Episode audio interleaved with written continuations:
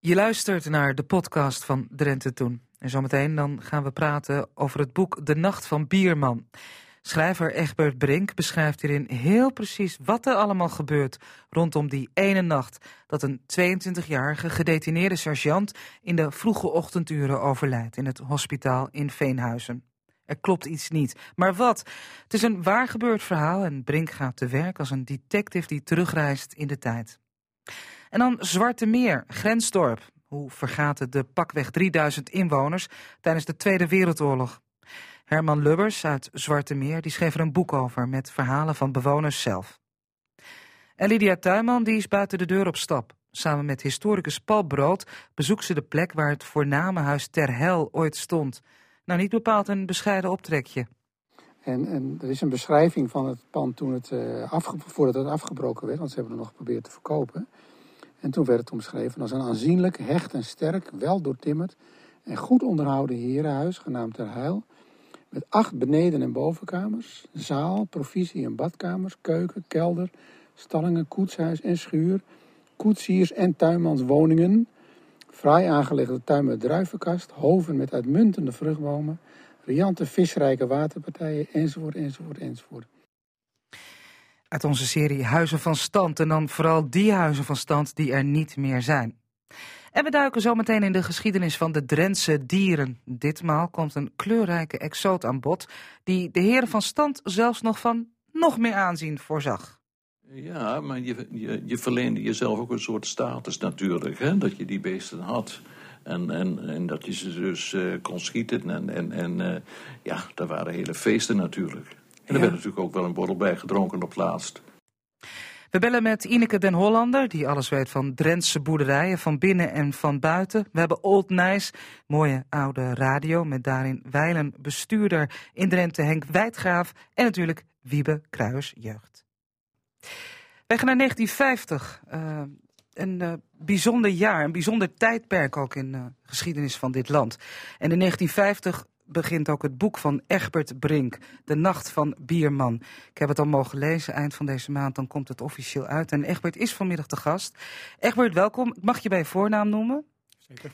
Jij hebt hem zelf ook al als boek in handen gehad of nog steeds niet? Ik heb alleen de drukproef gezien. Dus ja, en hoe voelt het? Hoe, hoe, voelt het om het boek uh, uh, nou ja, als drukproef dan in handen te hebben? Want je hebt er heel veel werk voor gedaan. Ik heb er uh, flink veel onderzoekstijd in gestoken, inderdaad. En het is mooi dat iets nou ja, um, op papier gedrukt wordt en dat het ook een, ja, tot een resultaat heeft geleid. Ja. Ik stel voor dat we beginnen bij het begin. Ik heb net al met Egbert afgesproken tijdens de plaat dat hij ingrijpt als ik iets vertel wat ik nog niet mag vertellen. Want ja, um, Egbert, het, het is eigenlijk ben jij naast historicus ook een, een detective geweest. Ik ben inderdaad op zoek gegaan. Uh, ik ben op zoek gegaan naar de doodsoorzaak van een jonge militair in Veenhuizen, inderdaad in 1950. En ja, um, ja dat leidt tot een verhaal uh, dat ontspint zich op een of ja. andere manier. En dan... Waarvoor je ook heel veel getuigen aan het woord laat. En het zijn allemaal mensen die destijds uh, getuigd hebben, die nou niet meer leven. Dat klopt. Uh, eigenlijk alleen de broer is nog over van, van de uh, betrokkenen. En ja. voor de rest, iedereen die er toen bij was, die is er nu niet meer. Nee, maar het is wel weer echt gebeurd. Die mensen hebben wel echt bestaan. Jazeker, het ja. zijn allemaal werknemers van Veenhuizen. Um, hoog en laag. ja, het zijn ooggetuigen. Ja. Het zijn journalisten geweest natuurlijk die de zaak verslagen hebben. Ik denk dat het goed is, Egbert, dat we een en ander even in de tijd plaatsen. Um, uh, ja, 1950, Nederlands-Indië. Wij veranderen uh, van relatie, dit land en Indonesië. En dat betekent dat er heel veel mensen deze kant op komen. Kun je dat voor ons schetsen? Ja, nou feitelijk is Indonesië al onafhankelijk in eind 1949. Dat wil niet zeggen dat de hele bevolking dan onmiddellijk daar weg is. Dus er gaan tienduizenden mensen moeten terug. Nou, een beetje een crisissituatie. In ieder geval een hele grote logistieke uitdaging. En nou ja, daar rijp en groen uh, repatrieert, zoals het heet. De Molukkers is een voorbeeld, maar er zijn vele andere groepen die deze kant opkwamen. Vaak ook in een land dat ze niet goed kenden. In dit verhaal uh, kende uh, ja, de hoofdpersoon Nederland heel goed, een Rotterdammer moest voor zijn dienstplicht richting Indië. Eigenlijk in de nadagen van een koloniale oorlog. En ja. Ja, vervolgens gaan de grote mechanismen in werking. En ja, beland je uiteindelijk in Veenhuizen. Ja, hij heeft iets gedaan. We gaan, wat hij heeft gedaan, dat gaan we nou niet verklappen, staat in het boek. Maar hij heeft een, een, een, een, een crimineel feit gepleegd, waardoor hij uh, nou ja, daar al gedetineerde is. Ook als gedetineerde op dat schip zit dat naar Nederland komt. En ook meteen al in Rotterdam als zodanig behandeld wordt. Mag zijn vrouw niet zien, zijn kinderen niet, want hij is al op jonge leeftijd vader geworden. Ja. En mag zijn familie niet zien. En hij wordt meteen afgevoerd, getransporteerd naar Veenhuizen. Ja, daar waren bepaalde protocollen voor. Dus het was niet een incident, het kwam vaker voor. Er zijn uh, toch ja, aardig wat mensen, denk ik, uh, op die manier in Veenhuizen gekomen. Mm -hmm. En Veenhuizen was toen sowieso al een vergaarbak van allerlei mensen die op een of andere manier uh, ja, niet wilden deugen, wil ik niet zeggen. Maar het waren, waren bijvoorbeeld ook Indië-weigeraars. Ja, honderden ook. Hè? Honderden. En dan is feitelijk een koloniale oorlog voorbij. En ja, die mensen blijven zitten. Die zitten hun straf uit. Ja, even voor de duidelijkheid. Uh, hè, zoals we Veenhuizen de laatste jaren veel in het nieuws zien. Als, als, als opvoedingsgesticht, heropvoedingsgesticht. Dat is het dan niet meer. Nee. Het is dan al een gevangenis geworden. Echt een, een gevangenis. Ja, uh, in 1949 krijgen al die oude koloniën nieuwe namen. En dat is eigenlijk een symbolische start voor een ja, nieuwe uh, manier van uh, nieuwe gevangenis, nieuw gevangenisregime. En men was daar vrij idealistisch over. Men bouwde wel voort op het gemeenschapsregime wat er al was. En dat sloot goed aan bij het idee van zogenaamde open gevangenis. Ja, dus dat de mannen die sliepen dan op een zaal. Overdag werkten ze op het land. Ja. Ze aten samen, er was uh, ruimte voor recreatie. Ja, daar, op dat punt is er continuïteit. Men ging gewoon nog op het land werken. Um, maar in een compleet nieuwe samenstelling, ook met een heel ander idee. Uh, dus dat idee van verheffing uh, van die oude bedelaars werkte ook wel door. Maar voor een hele andere, andere nieuwe groep. En die grootste groep was dan de oorlogsdelinquenten, zoals dat ja. toen genoemd werd. En daar zitten Indië-weigeraars bij. Dat waren jongens die die niet wilden vechten. Ja, met een groot contingent uit de noordelijke provincies. Dus op, ja, Groningen, Friesland, Drenthe waren opvallend hoog uh, vertegenwoordigd daar. Ja, waarom? Kun je dat uitleggen? Nou, dat zal deels samenhangen met de agrarische achtergrond. En ja, het, ze werden ook bestempeld als moederskindjes. Uh, mensen die niet bij uh, moeders papot weg konden. nou, er was blijkbaar een economische noodzaak. Maar ja, velen hebben denk ik ook gewoon ideële bezwaren gehad om daar naartoe te gaan. Ja, ja. Goed, onze hoofdpersoon, Bierman, Ferdinand Bierman, die is er dus wel geweest, heeft wel in het leger gezeten, was sergeant, zat bij, en dan zeg ik het uit mijn hoofd, 244ste regiment. 422ste. He, bijna goed. Ja. 422ste regiment. Hij gaat erheen, zeg maar, als, als militair. Hij komt terug in Nederland als gedetineerde. Gaat naar Veenhuizen, zoals we zojuist al uh, uh, vaststelden. En zoals in je boek staat. En um, waar het hele boek om draait, ja, de nacht van Bierman, is die noodlottige ochtend, nacht, heel vroeg uh, op de ochtend. Dat mag ik toch wel vertellen, want het draait alles om dat hij ja. overlijdt. Ja, dat is het feitelijk de aanleiding voor dit boek, dat hij uh, heel plotseling overlijdt. En ja, toch in eerste instantie onder merkwaardige omstandigheden. Dus verdachte omstandigheden. Verdachte omstandigheden. Ja. En uh, nou ja, dat, dat, uh, het was een onnatuurlijke dood, werd Ja. al vrij snel geconstateerd. Hij komt te overlijden. Hij, ligt, hij is met ziekteverschijnselen, als ik het zo mag zeggen, Egbert, opgenomen in het hospitaal. Ja, dat klopt. En ja, daar heeft hij een lange um, nacht gelegen. Um, en ja, de verpleging was niet geweldig om het. Uh, Nee, die was buitengewoon bruut en hardhandig. ja, dat, dat kun je wel zeggen. Uh, dus, um, en de vraag is of dat bijgedragen heeft aan zijn dood. Ja, En uh, nou, daar lijkt het wel op. In ieder geval werd er een politieonderzoek ingesteld.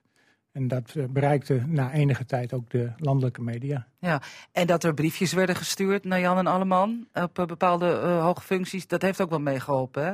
Ja, Anonieme zeker. briefjes. Ja, dat is eigenlijk de keerzijde van dat uh, open regime wat er toen heerste. Er heerste in mijn ogen een behoorlijke vrijheid om te doen en laten wat je wilde als gedetineerde. En uh, nou ja, zonder moralistisch te doen. De oorlogsgedetineerden hadden, uh, ja, daar werd een tamelijk blind vertrouwen had men in die, in die groep. In ieder geval heeft dat toch. Misschien omdat ze uit het leger kwamen en een soort van gedisciplineerdheid of zo ja. wisten op te brengen. Nou, ik bedoel met name de oorlogs, de mensen uit de Tweede Wereldoorlog, die daar. Um, daar hebben we het ook nog niet over gehad, want die zaten daar ook. Ja, en dat was eigenlijk de grootste groep. de mensen die hun straf nog uitzaten wegens ja. collaboratie, landverraad. landverraad. En dat waren um, vijf jaar na de oorlog natuurlijk niet de lichte vergrijpen, maar dat waren de zware jongens. En de uh, ja, drie van Breda waren de bekendste, maar daar zaten nog 700 andere vijf jaar na de oorlog. En die, ja, die creëerden of die vormden dat regime naar hun hand. Uh, tenminste, zo kijk ik het tegenaan. En, en, en dat betekent dat, dat de leiding dan ook niet zo sterk was? Nou, de leiding zat natuurlijk in Den Haag op het ministerie, maar um, ja, Veenhuis is ver weg. Er ontstaan uh, ja, bepaalde verhoudingen uh, binnen zo'n organisatie. Zeker een nieuwe organisatie, waarbij nog niet alles is uitgekristalliseerd. En het valt inderdaad op hoe groot de afstand is tussen de verplegers, de gestichtsarts, de directeuren. Dus daar zit heel veel tussen. En ja, van die ruimte is in mijn ogen uh, misbruik Hmm. gemaakt. We komen ook iemand tegen die in Nederland uh, uh, verregaande nou ja, activiteiten voor de Duitse bezetter verrichten. En die daar als arts, die daar als arts ook werkzaam is, hè? In Veenhuizen. Ja, dat klopt. Een zekere heer Bungenberg de Jong. En nou, dat was, zoals de naam al aangeeft, een, een nette heer met een flink oorlogsverleden. Um, dat betekent dat hij toch enig respect genoot. En wat opvallend was dat veel functies in Veenhuizen werden uh, ja, overgenomen door oorlogsdelinquenten. Omdat ze over het algemeen ook iets konden. Ze waren ja, goed in, uh, ja. met hun handen, met hun hoofd. En ze kregen een baantjes en dat kwam eigenlijk goed uit. Want er Ja. vielen natuurlijk gaten in de organisatie. En zo iemand als Bungenberg de Jong uh, was eigenlijk de hulparts. En op een gegeven moment was hij zelfs uh, Vervindi de, de ja, eigenlijke arts. Is het een wereld die jou fascineert? Op zich is dit een. Uh, ja, ik vind die gevangeniswereld is natuurlijk een beetje een, ja, toch een, een samenleving op zich. En hoe die verhoudingen uh, onderling zijn, vind ik wel interessant. Hoe Ja. uh, een soort laboratorium voor menselijke verhoudingen. En dat probeer ik toch in dit Ja. boek uh, naar buiten te brengen. En met al die invloeden, voormalig Nederlands-Indië, oorlogsmisdadigers, zoals we ze dan natuurlijk noemen. Ja, het is eigenlijk nog maar zo kort geleden. We hebben het allebei niet meegemaakt. Niemand in deze ruimte. Zometeen gaan we het hebben over de oorlog in Zwarte Meer. Met iemand die eh, dat als jongetje wel enigszins heeft meegemaakt. Eh, ja, het is, het is zo kort geleden en tegelijkertijd lijkt het een andere wereld. Ja, en dat zit voor een deel vast in uh, geschreven bronnen, kranten. Maar uh, er zijn ook nabestaanden. En uh, ja, één daarvan heb ik gesproken. Dus er is ook zeker een lijntje met de actualiteit en Ja. her- herinnering van mensen. Eén nabestaande, De broer van het slachtoffer. ja, en eh, die wou aanvankelijk, aanvankelijk niet zo, maar toen jullie eenmaal bezig waren. Ja, uh, heeft hij zijn verhaal, zijn versie van het verhaal Ja. verteld. Hij heeft het lang met zich uh, meegedragen. En nou, het verhaal is ook binnen de familie heeft dat Ja. uh, zijn werk gedaan. En uh, nou, wat ik goed vind is dat de familie ook bij de presentatie van het boek aanwezig zal zijn. Dat is eh, de dertigste, gaan we het zo meteen nog even over hebben. Die broer heb je gesproken, misschien nog een enkeling die nog leeft. En voor de recht, rest, de huismeester, de directeur, de patholoog-anatoom, de wachtmeester, de matroos, de verplegers, de zaalgenoten.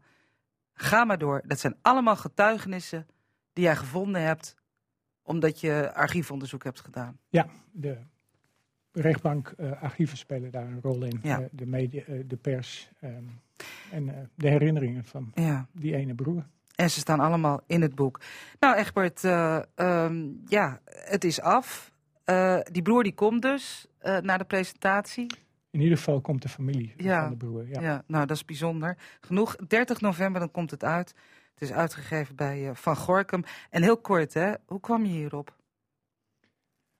Ik um, was geïnteresseerd, ben nog steeds geïnteresseerd in de geschiedenis van Veenhuizen en de mediabelangstelling. En het valt me wel op dat de nadruk heel erg lag op de 19e eeuw, op het experiment, uh, het verlichtingsexperiment. En ja, ik wilde de keerzijde ook belichten en wat dichter op, de, op de, deze tijd. En nou ja, dan, dan kom je al vrij snel in en om de oorlog terecht. Ja. Net genoeg afstand voor de historicus en mooi dichtbij voor ja, de herinnering. Nou, u weet hoe we dat doen. Een mailtje naar drentetoen.rtvdrenthe.nl of uh, like ons op Facebook.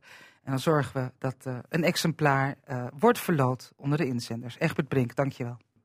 Al het Oosterhuis heeft het al een paar weken over de Eerste Wereldoorlog gehad. Vorige week slag bij de som. Maar mij is verzekerd dat hij allerlei kleine gekke dingetjes uit kranten heeft gehaald. Weliswaar uit de jaren 1870. Ach, laten we maar gaan luisteren. Old Nijs. Vandaag 24 november en wat ligt hier voor mij? De krant van 24 november 1870. Dus de krant van gisteren exact 148 jaar geleden. En ik moet er wel een beetje voorzichtig mee doen, maar hij is wat gelig, hij is wat breekbaar. Maar er staat wel prachtige, vermakelijke berichten in, zoals deze. Niet alleen Zwelo en omstreken, maar bijna alle Drentse dorpen en gehuchten waar geen straatwegen zijn, delen in hetzelfde lot en zijn als het ware in modderpoelen herschapen.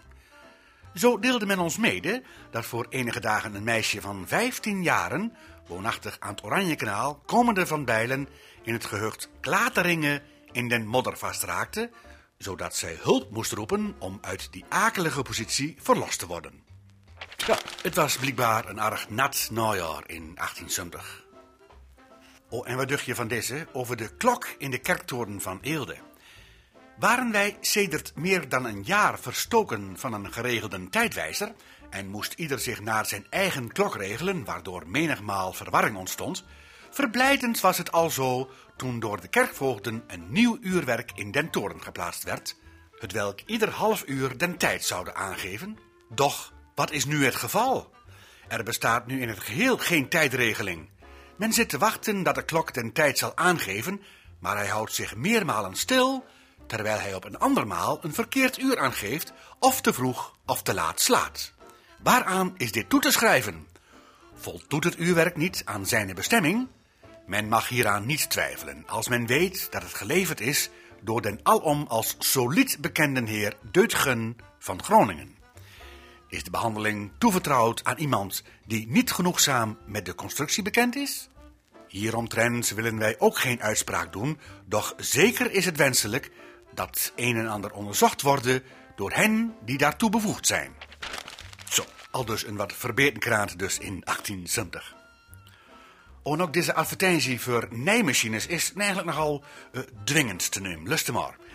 Handwerkers en handwerksters die dit werktuig nog niet bezitten, wordt desnodig de gelegenheid aangeboden om op gemakkelijke voorwaarden een voor al haar werk doelmatige en deugdzame machine te bekomen. Oh, en dit is wel mooi. Persoonlijk onderricht en continuele assistentie wordt, onverschillig waar, gedurende vier jaren gratis gegeven. Was getekend E. Smit en Zoon in Heerenveen. En er zit nog onder, zij die ene naaimachine wensen, stellen de koop daarvan niet uit tot de drukte hen daartoe drijft, maar bereiden zich in tijds voor. Zo is het. Oh, en dan dit aan de kant trieste, maar toch ook wel weer mooie bericht uit Muppel.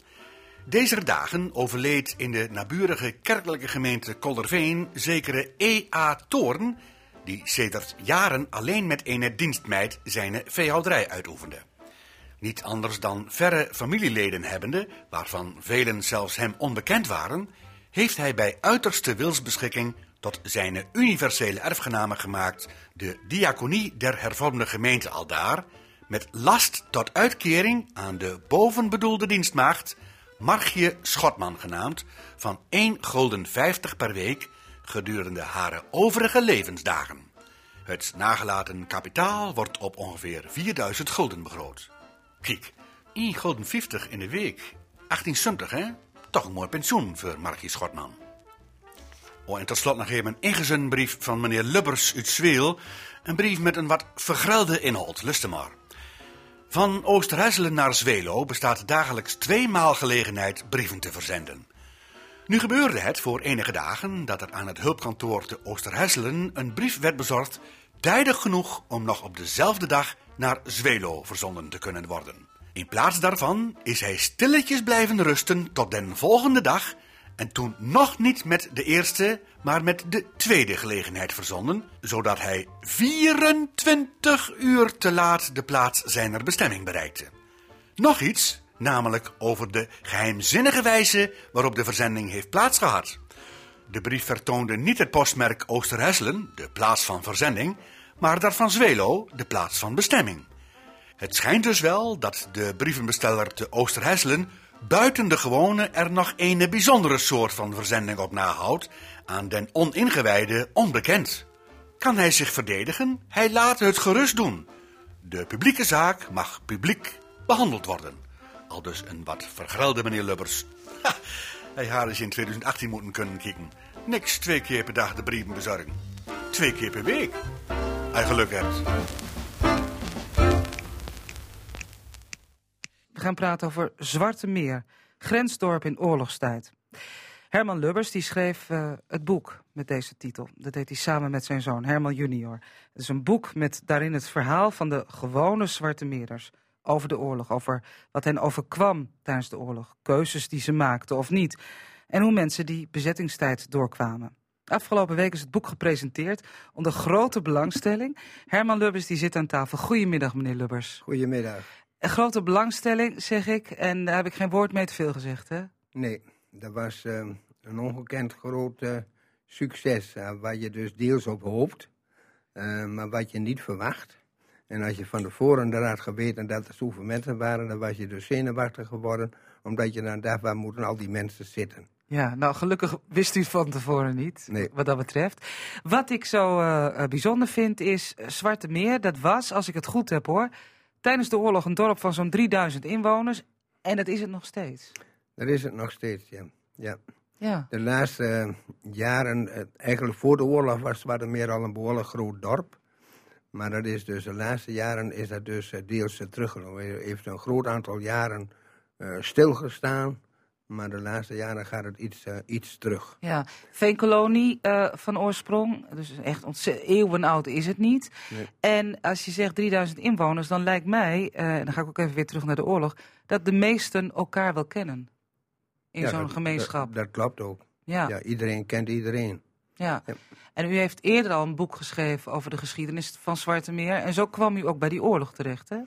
Ja, want tijdens de, het uh, schrijven van dat boek, en dat heb ik dan samen da gedaan met, een, uh, met mensen van de stichting, mm -hmm. uh, kom je uiteraard ook bij de oorlog terecht. Met gevolg dat een aantal mensen daar dus ook wel behoorlijk over hebben verteld. Ja, en daar gaan wij het over hebben. Um, ja, ook nog zoiets. Het is een grensdorp. Dus je zit tegen Duitsland aan. Dat moet ook van invloed zijn geweest. Nou, in die zin van invloed, dat, dat um, uh, de inval, uh, ja, dat, dat, daar waren mensen natuurlijk direct uh, bij betrokken. maar als het gaat om um, dat mensen, um, zou ik wel zeggen, onder elkaar, Duitsers en Nederlanders, daardoor van elkaar vervreemden, was dat niet het, niet het geval. Nee, Ook maar... tijdens de oorlog uh, zijn eigenlijk de contacten tussen de Nederlanders aan de grens en de Duitsers aan de grens zijn wel, uh, zijn wel gebleven. Terwijl je van de een op de andere dag zowat elkaars vijand bent. Ja, alleen zo heeft iedereen dat natuurlijk niet, uh, niet ervaren. Ja. Van, mijn vader zei in de tijd van, hoe kan ik nu kwaad worden op, op Duitsers wanneer je je hele leven er al mee bent uh, omgegaan. Ja, want jullie werkten natuurlijk met elkaar. Ja. Er waren Nederlanders die voor Duitsers werkten, Duitsers die voor Nederlanders werkten. Ja. Misschien met elkaar getrouwd waren. Ja, dat ook. En die komen ook in het boek voor. Ik, Ja. ik, ik zal eens eventjes... Ja, de familie Tiek, die heeft u bestudeerd. Kunt u daar wat over vertellen? Familie Tiek, maar de, de oude Tiek uh, is uh, de grens overgegaan, zoals heel veel in die tijd de grens over zijn gegaan. Is getrouwd met een Nederlandse vrouw, heeft zich gevestigd in Nederland, maar heeft zich niet neutra laten neutraliseren. Dat zou kunnen uit principe, omdat hij vond dat Duitsland een, ja, een goed land was. Het kan ook zijn, zeg maar, vanwege dus de, de situatie, financiële situatie, dat het dus gezegd hebben, het is mij te duur. Maar daardoor was het wel zo dat, dat uh, op het moment toen de, zijn zoons, en er waren dus er vijf, één had dus toen in Nederlandse dienst gezeten, omdat die uh, een, een diensttijd van een zoon van een boer had overgenomen. Maar de andere vijf broers, toen die zo oud waren, zijn dus allemaal opgeroepen in het Duitse leger. En dat was dus al voor de oorlog. En dat was eigenlijk de consequentie dat uh, Tiek zeg maar, zich niet heeft neutraal, laten neutraliseren en daardoor dus Duitser is gebleven. Ja, ja, Zeg, en hadden jullie ook veel, ja, toen die arbeidseinsatz kwam, hè, dat Nederlandse mannen werden opgeroepen, veel mannen die, die zijn toen de onderduik ingegaan. Was dat ook zo in Zwarte Meer? Heel veel, uh, die dus, uh, ja, net als overal, zeg maar, waren er ook heel veel Zwarte Meerders, die dus zijn, zijn opgeroepen ook veel zeg maar, die de mobilisatie eigenlijk hebben meegemaakt. Uh, toen het, uh, zeg maar, Nederland had verloren, uh, werd het leger op, opgeheven en keren die jongens dus terug. Maar op een bepaald moment werden ze dus opgeroepen om, het ware zeg maar, via de Duitse inzet, om dat, daar naartoe te gaan. En een groot aantal die dus dat deden, maar ook wel een aantal die dus toen zijn ondergedoken. Ja, en dat gebeurde ook in Zwarte Meer? Dat gebeurde dus, dat ze zijn ondergedoken, ja, eh, ja grotendeels in uh, Zwarte Meer, maar ook nog wel wat daarbuiten. Maar omgekeerd waren er natuurlijk ook wel heel veel onderduikers die niet uit Zwarte Meer kwamen, maar wel ondergedoken waren in, uh, in Zwarte Meer. Ja. Joodse onderduikers waren er ook. Um, zeg ik het goed als het verhaal van mevrouw Schrijvers daar een rol in speelt? Ja de mevrouw Schrijvers, maar dat was een Jodin die op dat moment uh, twee, drie jaar was. Toen uh, zij samen met een paar andere kinderen ondergedoken heeft gezeten in, uh, in Zwarte Meer. zonder dat dus heel veel mensen dat, dat wisten. En ja, de, de hele oorlogstijd, zeg maar, dat is, dat is gebleven. En die dus ook na die tijd zeg maar, veel contact heeft onderhouden met, uh, met het echtpaar waar ze dus zeg maar, hebben ondergedoken hebben gezeten. Het was zo, het was een kinderloos echtpaar uh, waar ze dus uh, onderdak hadden. En dat kinderloos echtpaar, zeg maar, dat, dat, dat, ja, die kon eigenlijk geen afstand meer doen van die, van die kleine kinderen. En op een bepaald moment zijn ze een paar jaar na de oorlog, zijn ze dus ook verhuisd naar, naar Amsterdam om dus dichter bij die kinderen uh, te blijven. Ja. Wij praten over het boek Zwarte Meer, Grensdorp in oorlogstijd. Geschreven door Herman Lubbers senior en Herman Lubbers junior. En senior, die zit hier aan tafel. Uh, meneer Lubbers, verzet was er ook in Zwarte Meer? Heel veel verzet. En daar kun je best uh, trots op zijn dat er zo'n grote verzetsgroep was.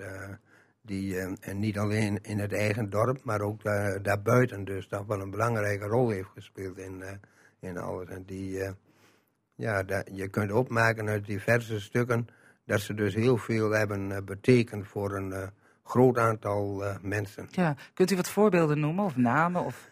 Nou, bijvoorbeeld ehm, drie Franse vluchtelingen, die dus uit een van die Emslandkampen zijn gevlucht.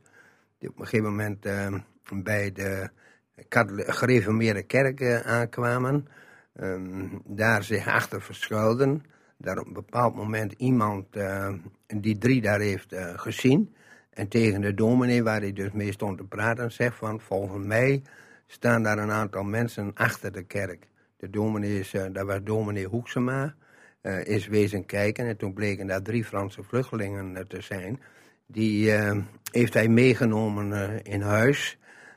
zijn vrouw heeft dus gezorgd dat ze, dat ze eten kregen. Eh, de, eh, de, drie vluchtelingen hebben zich uh, uitgetrokken, hebben zich helemaal gewassen vanwege zeg maar, vuil, maar ook luizen en dat soort, dat soort dingen. En het toeval wil, en daarom zeg maar, ben ik daar ook aan de weet gekomen, dat een zoontje van dominee Oeksema, die dus toen nog niet naar school ging, die werd geconfronteerd met die drie Franse vluchtelingen. Die kreeg van een van die drie kreeg een reepje chocola en zijn vader zeg maar, die heeft gezegd van ga jij nu maar naar boven. En die heeft ze dan verder ook niet meer gezien. Hij zei maar al mijn zusjes en mijn broer, die hebben dus de drie vluchtelingen niet, uh, niet gezien.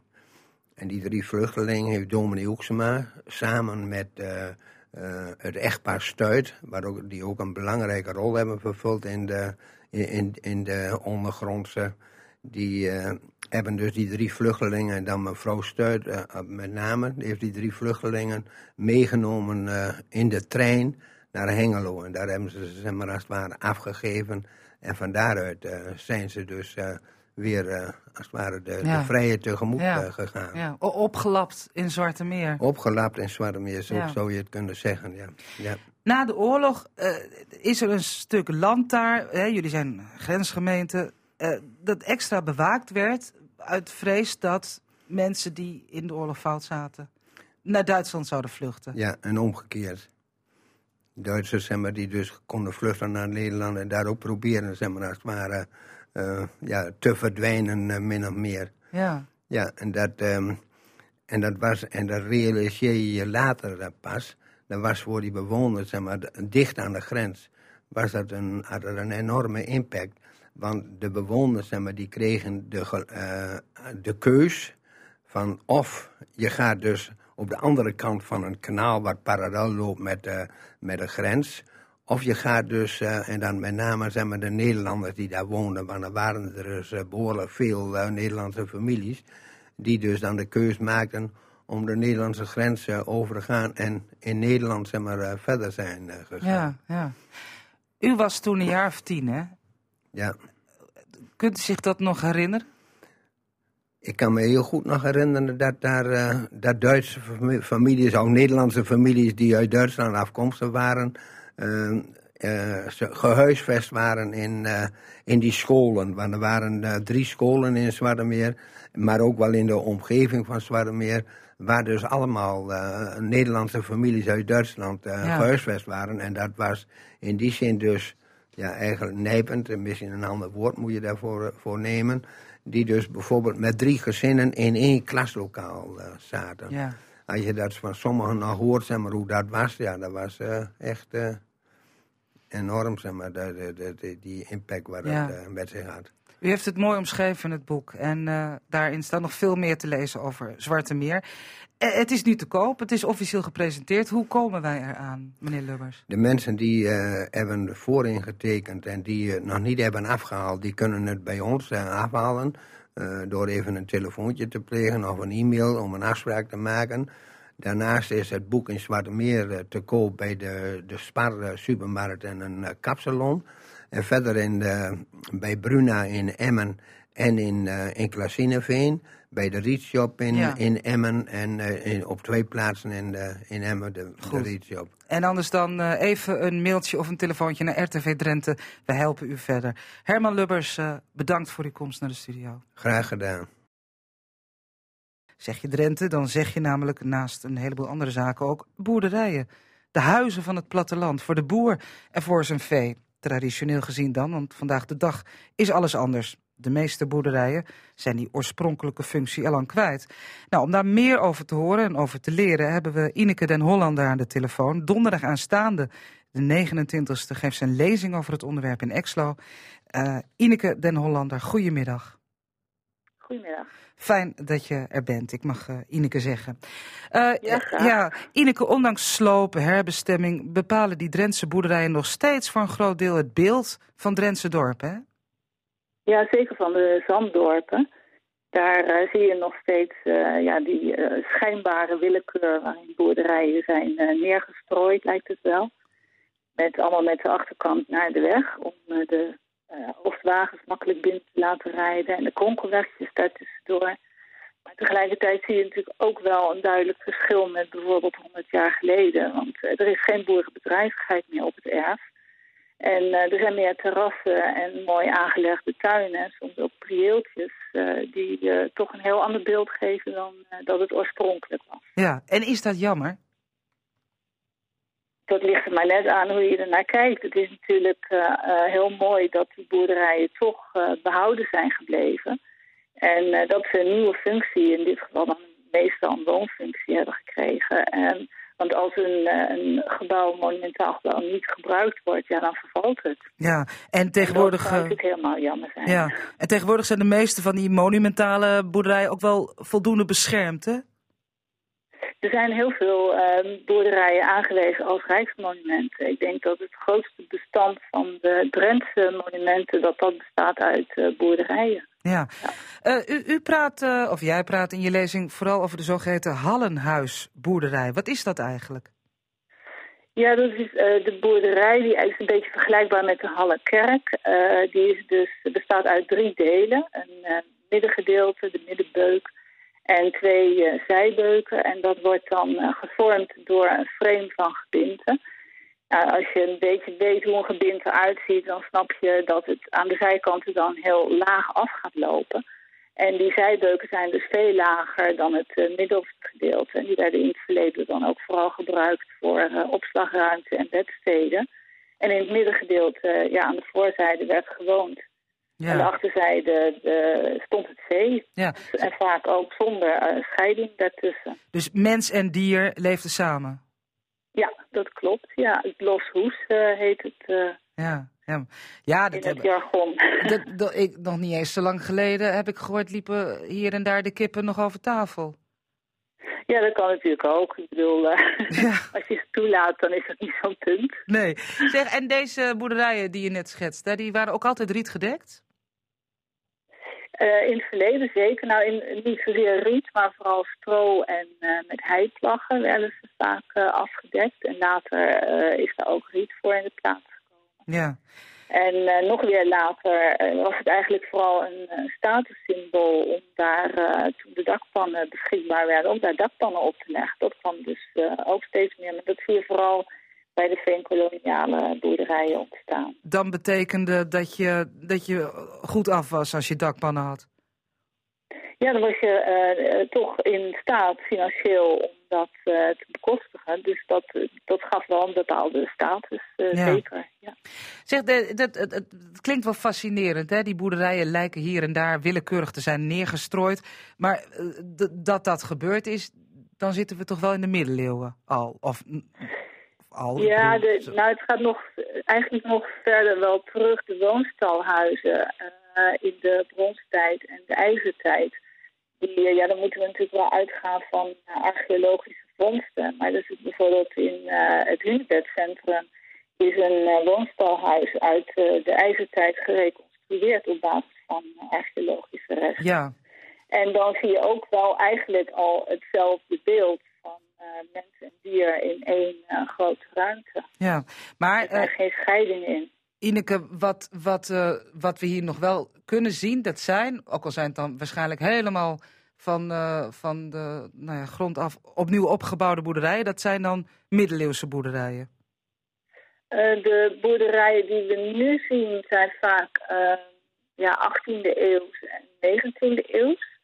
Uh, met soms wel fundamenten uit de 17e eeuw. Sommige zijn ook nog uit de 17e eeuw. Ja. Dus dat komt ook nog wel voor. Ja. En er zijn een paar boerderijen die nog ehm, gebinten hebben uit de 14e eeuw zelfs. En de 15e eeuw. Ja.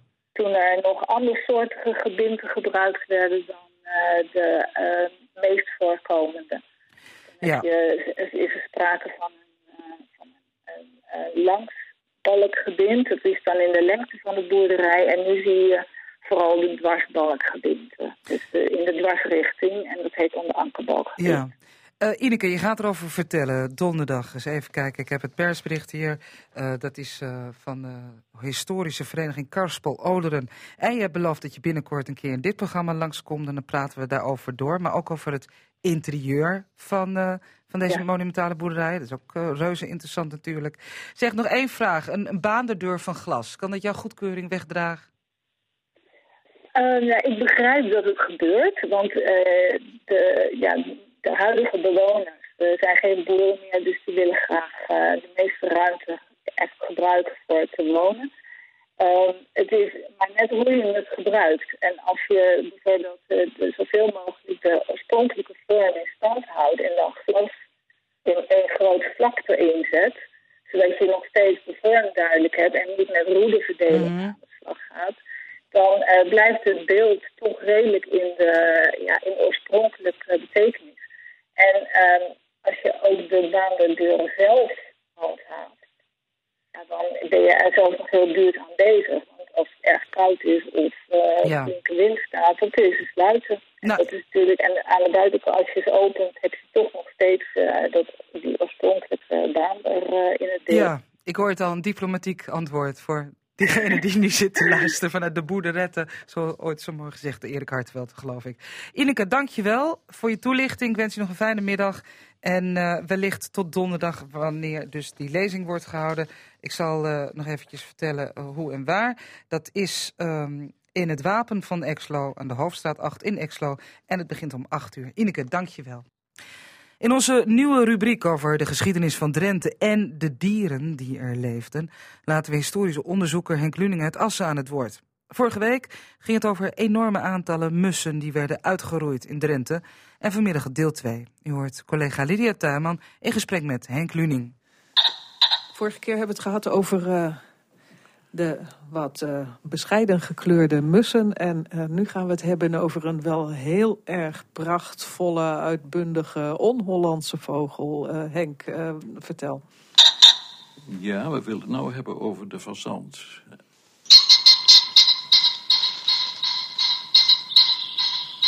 En dit is anders als je denkt. Want met de verstand is het zo, zijn de mannen mooier als de vrouwen.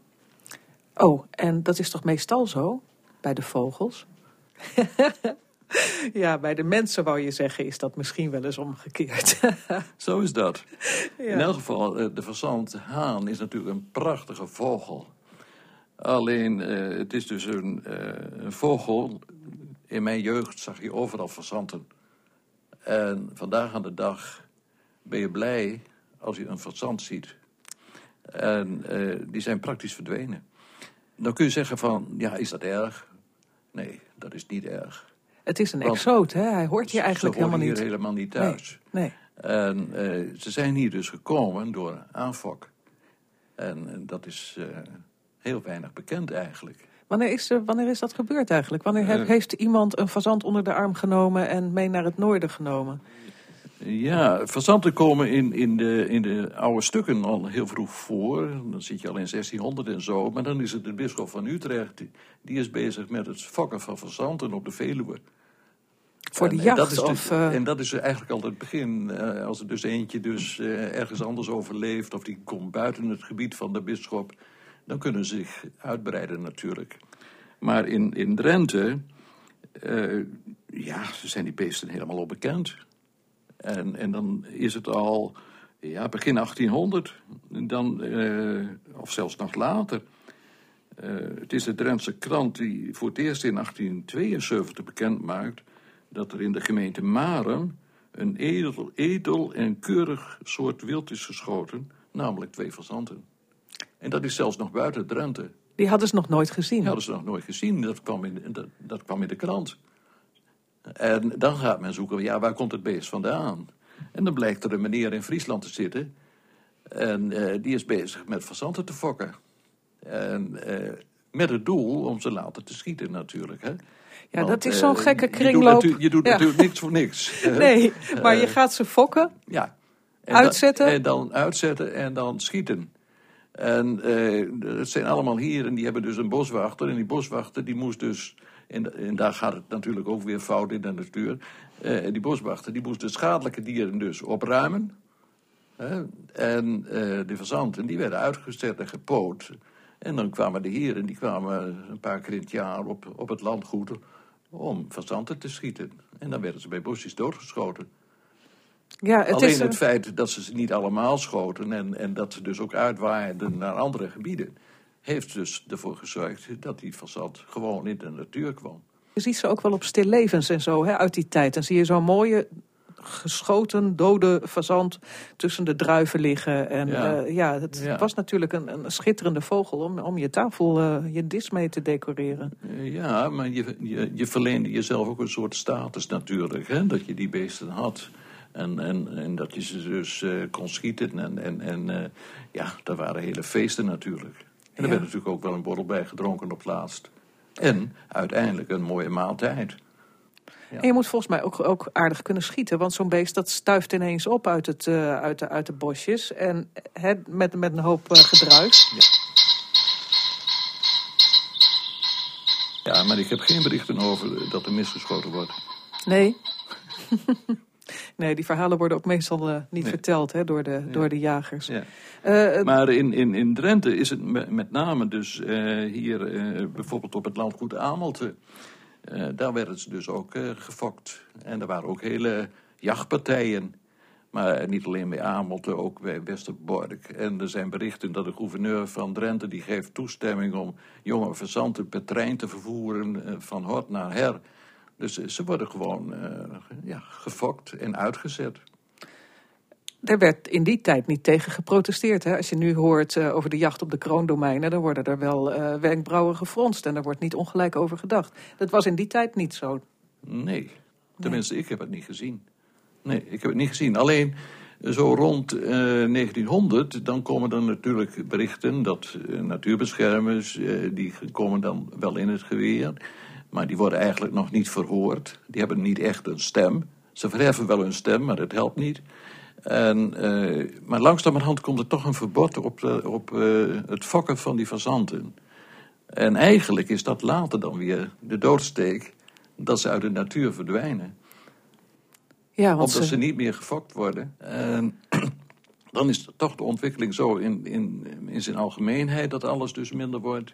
En daar is ook die verzand het slachtoffer van. Dus het is nou nog maar een enkele keer dat je zo'n beest tegenkomt. Ja, en dat was dus de roep van een eh, parmantige fazantenhaan. Tegenwoordig dus zeldzamer dan toen hij nog werd gefokt en uitgezet voor de jacht. Maar evengoed nog een bekende verschijning in het Drentse landschap. Drenthe Toen. Nieuws. Ja, eigenlijk zijn er twee uitnodigingen. Een uitnodiging van eh, toneelgroep Jan Vos om mee te beginnen. Die is in samenwerking met het Noord-Nederlands toneel op dit moment eh, bezig met de voorstelling Gas. Een familiekroniek die geen Noordeling onberoerd zal laten. Nou, we hebben het er laatst over gehad in dit programma. De voorstelling is te zien in een mobiel theater, speciaal gebouwd eh, hiervoor. In een weiland in Ten Boer, dat is in het Groningenland. Maar vanaf 30 november tot en met 30 december is het stuk te zien in Zuidlaren op het parkeerterrein van de Prins Bernhardhoeve. Eh, vanaf 30 november, dus zaterdag 1 december. En het begint vroeg, het is een lange zit, maar zo hebben ze mij verzekerd. En de, de schrijver van het stuk al helemaal, je verveelt je geen moment. En ik wil u ook graag uitnodigen voor een eh, programma van onszelf. Radio Westerbork, zondag 2 december. En dan zijn we er weer. Rechtstreeks vanaf het herinneringscentrum op kamp Westerbork. En eh, die uitzending verzorgen we eigenlijk vanuit de achtertuin van de commandantswoning. Daar staat al een aantal jaren een glazen overkapping omheen en overheen. En daar zitten we dan met muziek en gasten. En die gasten die zijn dan op 2 december Guido Abuis, hij werkt bij het herinneringscentrum. Patricia Alexandra, zij speelt viool, zorgt voor de muziek. En onze echte hoofdgasten, dat zijn twee vrouwen. Twee volwassen vrouwen en toch noemen wij ze kinderen van het verzet. Het zijn Treineke Blom-Post. En eh Treineke Post is een van de negen kinderen van verzetsman Johannes Post. En eh, Dina Post Salomons natuurlijk. En eh, ook eh, zit dan bij ons aan tafel Gree van den Goorberg. En zij is geboren in Bolsward. Eh, haar ouders die, zaten in het verzet. Er zaten Joodse onderduikers in huis. Met deze twee vrouwen praten wij die zondagmiddag over hoe dat voor hen geweest is. U bent van harte welkom. Iedereen is welkom. Entree is gratis. Koffie en thee, daar zorgen wij voor. Maar één dingetje. Trek wat warms aan, want eh, ja, het is niet echt een verwarmde ruimte. We beginnen om drie uur en er zijn bussen vanaf het parkeerterrein van het herinneringscentrum 2 december. Samen met historicus Paul Brood bezoekt collega Lydia Tuinman al wekenlang de plekken waar voorname huizen van stand stonden. In Drenthe stonden, zeg ik, want er is vaak niks meer van over. Dat geldt ook voor het voorname huis Ter Heil. Huidige bewoners van het perceel zijn Chitte Zuur en Gerlien Terstegen en heten de gasten welkom. Ja, Albert. Ja. Hoi, Hoi. Lydia Tuinman. Dit is het, hier heeft het gestaan volgens mij. En ik denk dat dit hier die Tautenburger single is die daar gelegen heeft. Denk ik. Ja, dit is nog steeds. Stoutenburg. Ja, precies, ja, ja. Nog steeds. En op die kaart, want, want in de beschrijving van het huis. Eh, even zien waar heb ik dat gezien? Oh ja, hier zo. Toen het, in, toen het afgebroken werd, toen stond er ook bij wat het allemaal inhield. Een aanzienlijk, hecht en sterk, wel doortimmerd, goed onderhouden herenhuis, genaamd Ter Heil. benevens de laan naar Tautenberg en die naar de Leek. Dus naar die kant en naar die, Ja. naar die kant. Ja. Ja, dus dat moet er wel, eh, moet er wel allemaal wel bij gehoord hebben. Dus het moet echt een enorm groot landgoed geweest zijn. Ja, waar helaas dan niet zo vreselijk veel van over is. eh. Nee. Nee, nee. Heel. Het pand waar we nu naast staan, dat, dat is niet eh, in, hiermee in verband te brengen. Nee, nee, dit is veel later gebouwd. Ik, ja, ik zou- denk zelfs 20e eeuw, als ik het zo zie. Ja, 1850 ongeveer. 1850? Ja. Maar is, denk, je dat, denk je dat er nog iets te zien is van het oude huis, van waar het ongeveer gestaan is? Is daar nog, zijn er nog oude stenen, zijn er nog Nou ja, contouren? hè, die kloostermoppen liggen er nog wel. Ja, ja. Die zijn hier gewoon uit de grond eh, gekomen. En daar hebben de vorige bewoners een muurtje eh, mee gebouwd. ja, ja, ja. Maar voor de rest, ja. De, de gracht, zeggen ze, dat is het enige wat er, eh, wat er nog aan doet, doet denken uit die ja. tijd. Nou, dus, maar de kans is vrij groot dat het inderdaad hier gelegen heeft. En als ik die oude kadasterkaart erbij pak, Ja. denk ik, ja, het moet hier wel gestaan Ja. hebben. Ja. eh, Bij die Tautenburger Singel. eh. Ja. Je, bent ook echt even op zoek geweest hè, om de locatie te vinden. Ja, ik, eh, ik, had ik heb er des heel jaren geleden, 30 jaar geleden, over geschreven, over dit, eh, dit pand. En toen was ik er nooit geweest, want er was ook toen al niks te vinden. Maar nu denk ik van ja, maar nu wil ik toch ook weten waar het nou echt geweest is. Dus eh, op een gegeven moment, we zijn met z'n tweeën eh, op de fiets hier naartoe geweest om eens te kijken van nou, waar moet het nou geweest zijn? En toen konden we niet anders constateren dan dat het hier moest zijn. Nou, er Ja. staat ook een mooi bordje, mooi Ja. te palen, Huis ter Heil. Dus dat, dat was al mooi. En dat is hier ook het buurtschapje natuurlijk. Ja. Maar ik denk dat toch dat het hele landgoed hier dan toch wel achtergelegen heeft. Ja. Eh, Zouden we eens even naar achteren... Ma- Mag dat? Mogen wij even naar achteren Ja. kijken? Ja? Met jullie mee? Oh, hier is een... ehm, Maar hier is... dit, dit is opgemetseld, hè, later. Ja, dit is niet van het oude huis nee, zelf. nee, nee. Nee. Maar dit zijn wel inderdaad van die hele oude brede stenen. Ja. Ja. Ja. Dus, eh, Is het jullie wel bekend dat jullie op zo'n historische grond wonen? ja, ja, ja, zeker. Want je hebt al een paar keer mensen aan de, aan de deur gehad. Ja. Hè, of kinderen met een, eh, die een speurtocht eh, moeten doen. Ja. Die hier aanbellen. Ja. Van de Lindenborg, de middelbare school hier verderop. Eh, krijgen ze wel vraagstukken en dan bellen ze aan van... Hallo, bent u mevrouw Terhel? Ja, nee, ik ben niet mevrouw Terhel. Maar ja, ja. dus het is een eh, interessant gebied om op te wonen. Ja, Ja, want het is natuurlijk laat middeleeuws was het een, eh, een uithof van het klooster Aduard. Hè, dus die had hier een boerderij eh, en die leverde dus aan de, aan de monniken van, van het klooster Aduard. En later is het door de Casper van Eeuwsum, de drost van Drenthe, heeft hier gewoond.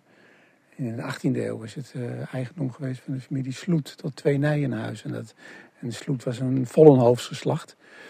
Maar die heeft hier ook eh, tientallen jaren gewoond. En de laatste, eh Telg werd dat geslacht, die is in 1852 meen ik overleden. En toen is het ook onmiddellijk afgebroken. Eh, Er zitten stenen verkocht. En leverde het nog wat op. Kan je het beschrijven, het pand? Hoe heeft het, eh, heeft het eruit gezien? Even bladeren. Bladeren even kijken. Het is een, een, twee, een groot pand met twee verdiepingen. eh, een hoog dak en er staat ook een toren eh, bovenop dat, eh, dat dak. En, en er is een beschrijving van het pand toen het, voordat het afgebroken werd, want ze hebben het nog geprobeerd te verkopen. En toen werd het omschreven als een aanzienlijk, hecht en sterk, wel doortimmerd en goed onderhouden herenhuis, genaamd Ter Heil. Met acht beneden- en bovenkamers, zaal, provisie- en badkamers, keuken, kelder, stallingen, koetshuis en schuur, koetsiers- en tuinmanswoningen, fraai aangelegde tuin met druivenkast, hoven met uitmuntende vruchtbomen, riante visrijke waterpartijen, enzovoort, enzovoort, enzovoort.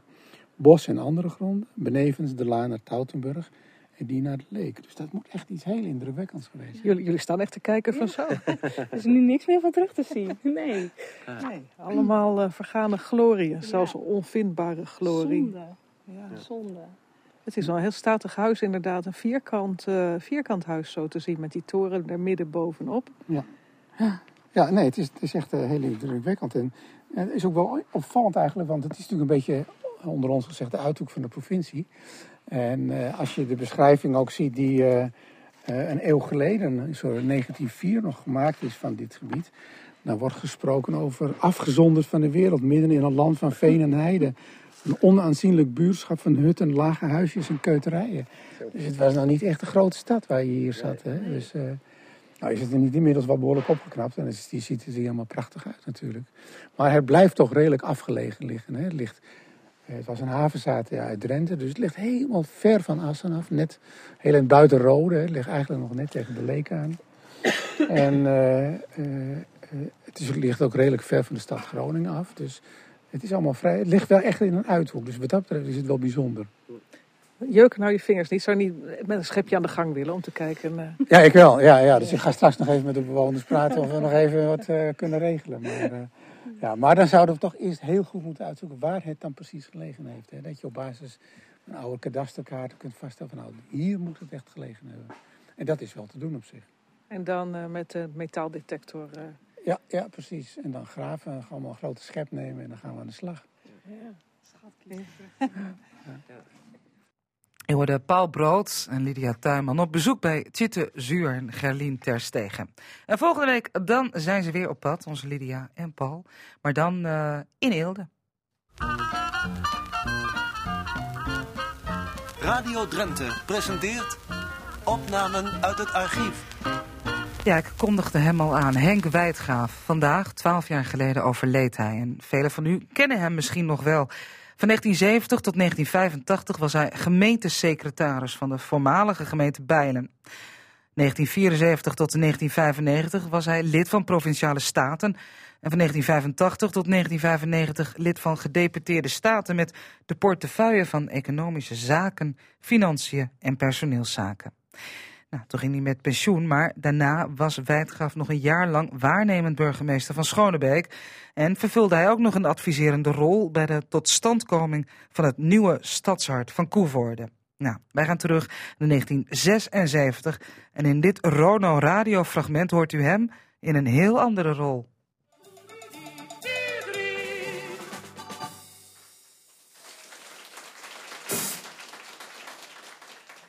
Ja, dat was dan onze gemeentequiz 1980, die wij opnemen in zaal Prakken in Bijlen.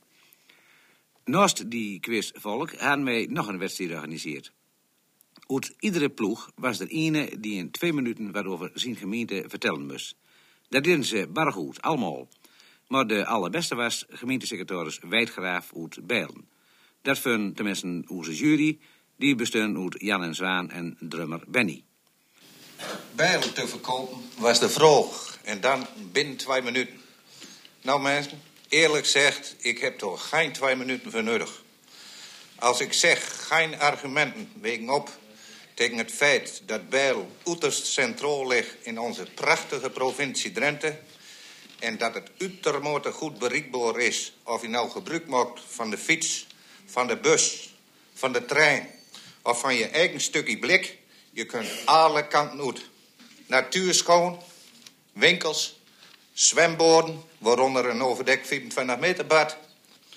De Bijler jongens en wichter kunnen in Bijlen onderwijs volgen tot en met MAVO, huishoudschool en technische school. Luisteraars, dit wat ik je nou verteld heb, is voor je natuurlijk oud nieuws. Je wist al lang dat Bijlen een plaats is waar het goud leven, wonen, waken, winkelen, sporten en recreëren is op alle gebied Bijl, Drenthe, Centraal. Ja, zo is dat. Mooi. eh.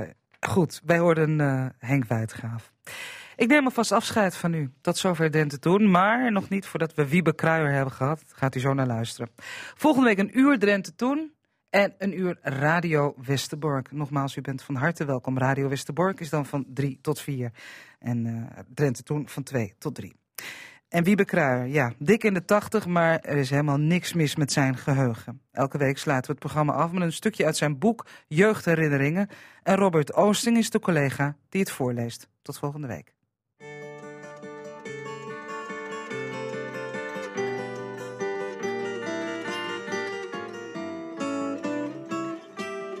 Eens liep juf van de meulen met opgetrokken neus tussen de rijbanken door. Ze had kennelijk een onaangename geur bespeurd. Wie moet er een grote boodschap doen? vroeg ze. De naam weet ik niet meer, maar laat ik maar zeggen dat Wiesje haar vinger opstak. Moet jij een grote boodschap doen? vroeg ze nog een keer. En toen deze vraag bevestigend werd beantwoord, zei ze: Ga er maar gauw heen. Daarop verdween Wiesje uit de klas. Even later stormde ook juf de klas uit, rende de deur uit, over het schoolplein en de straat op. Wiesje moest inderdaad voor haar moeder een grote boodschap doen. Had haar jas op de gang aangetrokken en was op weg gegaan om de haar opgedragen taak uit te voeren. Toevallig keek juf op een bepaald moment uit het raam en zag Wiesje het schoolhek uitgaan. Net op tijd kon ze het kind terughalen. Wiesje had de bedoeling van de vraag duidelijk niet goed begrepen. Juf van de Meulen was op een bepaalde middag overblijfjuf. De kinderen waren schijnbaar nogal luidruchtig en het beviel haar beslist niet. Als straf had ze bedacht dat we niet mochten beginnen met eten. Ze weigerde met ons te bidden en dan was beginnen met eten natuurlijk taboe. Op ons protest beweerden ze dat de goede het maar met de kwade moesten ontgelden. Zo hebben we de middagpauze voor een belangrijk deel, in afwachting van wat er komen ging, doorgebracht.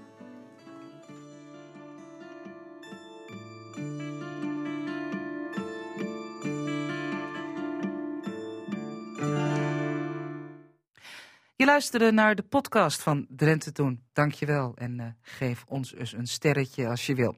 Luister ook eens naar de andere podcasts van Radio Drenthe. Zoals bijvoorbeeld de Sportcast of die van Casata.